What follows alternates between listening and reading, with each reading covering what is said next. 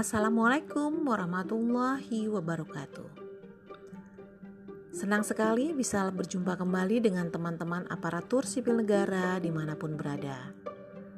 Hari ini kita bersama akan membahas tentang menuju ASN berkelas dunia.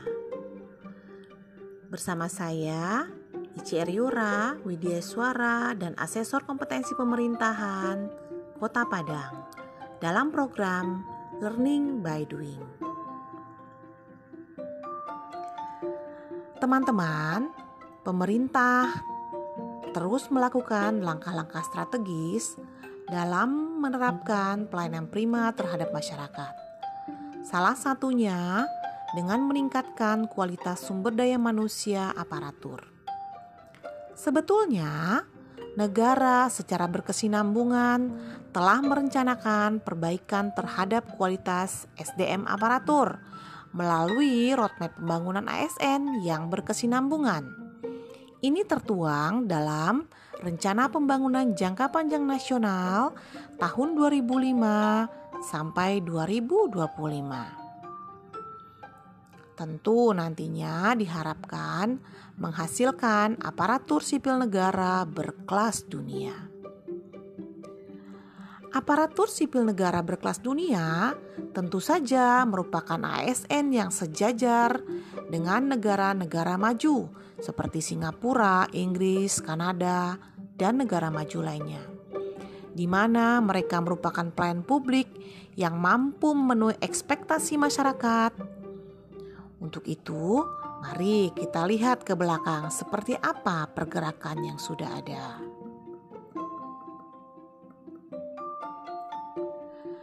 Pembangunan sumber daya manusia ASN pada tahun 2005 sampai 2009 dicanangkan sebagai RPJM tahap pertama dengan slogan Good Governance.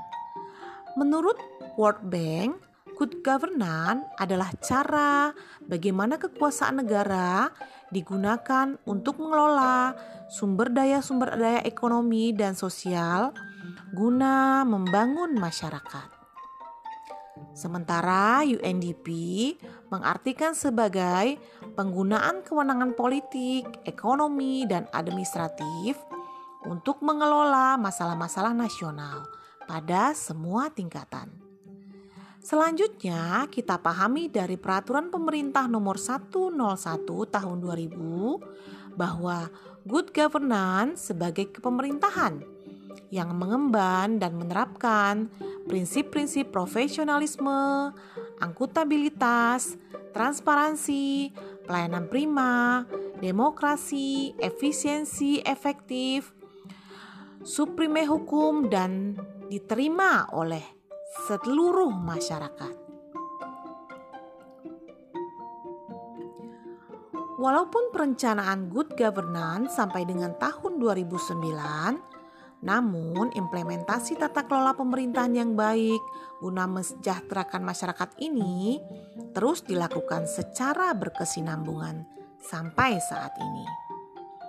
Hal ini bertujuan membangun kepercayaan masyarakat atas pelayanan publik yang dilakukan penyelenggara pelayanan publik, terutama pemerintah, sebagai implementasi dari negara. Hal ini seiring dengan harapan dan tuntutan seluruh warga negara dan penduduk tentang peningkatan pelayanan publik sebagaimana yang diamanahkan oleh Undang-Undang Nomor 25 Tahun 2009 tentang pelayanan publik. Namun masih saja kita temukan berbagai celah penyalahgunaan wewenang melalui praktek KKN yang berdampak pada hilangnya kepercayaan masyarakat pada pemerintah. Sebagai aparatur sipil negara, saat ini kita merenung sejauh mana kita sudah berintegritas dalam tata kelola pemerintah yang baik ini sehingga kita bisa menimbulkan kepercayaan masyarakat terhadap pemerintah dan terus akan meningkat. Pada tahap kedua, RPJM tahun 2010 sampai 2014, pemerintah mencanangkan reformasi birokrasi. Kementerian Pan-RB sebagai pionir penggerak reformasi birokrasi mendefinisikan reformasi birokrasi pada hakikatnya merupakan upaya melakukan pembaruan, perubahan mendasar terhadap sistem penyelenggaraan pemerintah, terutama menyangkut aspek-aspek kelembagaan, keorganisasian, tata laksana, bisnis proses, dan tentunya sumber daya manusia. Reformasi birokrasi dicanangkan guna terus diwujudkan good governance berjalan dengan baik. Untuk itu, perlu dilakukan suatu upaya yang terpadu, sistematis, dan komprehensif, yaitu reformasi birokrasi secara menyeluruh. Dwianto dalam salah satu bukunya mengatakan bahwa ASN sebagai pelaksana birokrasi sebagian besar menempatkan diri mereka sebagai penguasa, bukan sebagai pelayan publik, sehingga perubahan sulit dilakukan demi meningkatkan kualitas pelayanan publik. Oleh karena itu, muncullah berbagai macam permasalahan yang sering kali kita temukan dan secara langsung maupun tidak langsung ini merugikan masyarakat. Sebagai contoh, masih adanya pungutan liar.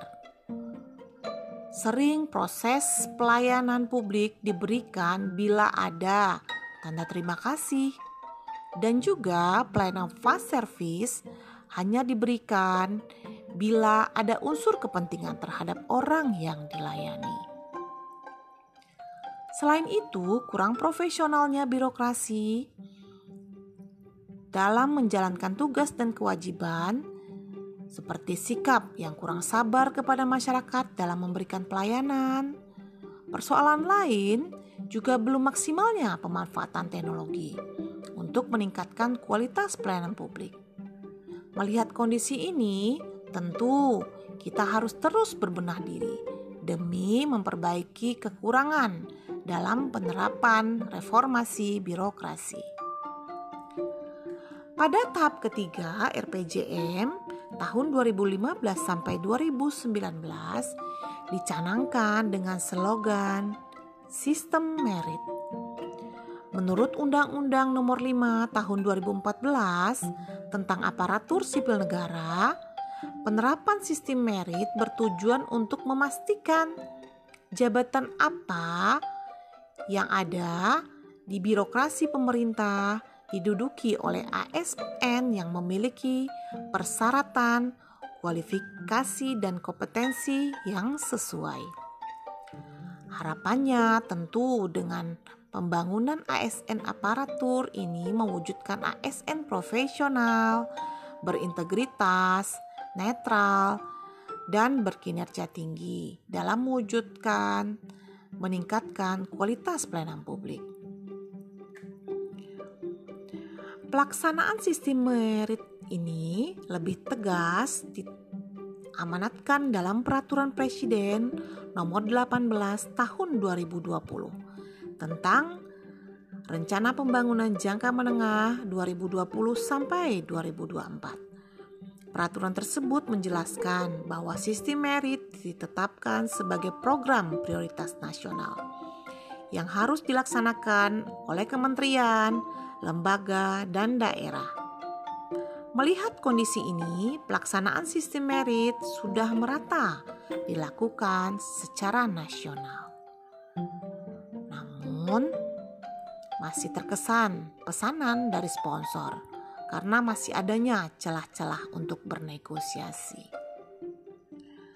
Lebih lanjut, pembangunan dan pengembangan talent pool baik secara nasional maupun bersifat lokal sangat dibutuhkan. Ini untuk melahirkan embrio baru yang berkualitas. Pelaksanaan sistem merit yang baik akan menghasilkan SDM aparatur yang kompeten dan profesional, sehingga pemerintah secara nasional dan lokal akan memiliki kaderisasi untuk mengisi jabatan secara berkesinambungan. Dari sisi ASN sendiri dengan sistem merit, mereka memiliki kejelasan karir ke depan. Tentunya ini dapat mengatasi kegelisahan ASN sehingga dapat lebih fokus meningkatkan kualitas diri dan pada akhirnya meningkatkan kualitas pelayanan terhadap masyarakat. Saat ini kita telah memasuki RPJM tahap akhir yaitu tahap keempat dari RPJP 2005 sampai 2025 di mana diharapkan pembangunan sumber daya manusia aparatur sudah pada tahap persiapan ASN berkelas dunia. Merujuk kepada ungkapan Kepala BKN, ada enam langkah yang harus dipersiapkan untuk menjadi ASN berkelas dunia. Pertama, pembangunan kualifikasi kompetensi dan kinerja ASN. Kedua, kaderisasi kepemimpinan berbasis talent management. Ketiga, pengembangan talent pool menuju ASN berkelas dunia. Keempat, implementasi rencana suksesi terintegrasi dengan sistem informasi ASN. Kelima, penyiapan infrastruktur untuk mendukung digitalisasi dan manajemen ASN. Dan yang terakhir, adanya sinergitas antara instansi pusat dan instansi daerah yang berkesinambungan. Dengan kondisi ini diharapkan kita dapat mencapai tujuan bersama menjadikan ASN Indonesia sejajar dengan ASN-ASN di negara maju. Dari kondisi tersebut, kita bersama sebagai ASN dapat merasakan sudah sejauh mana persiapan kita, terutama pemerintah daerah, dalam pembangunan tahap akhir ASN pada Rencana Pembangunan Jangka Panjang Nasional 2005 sampai 2025 ini.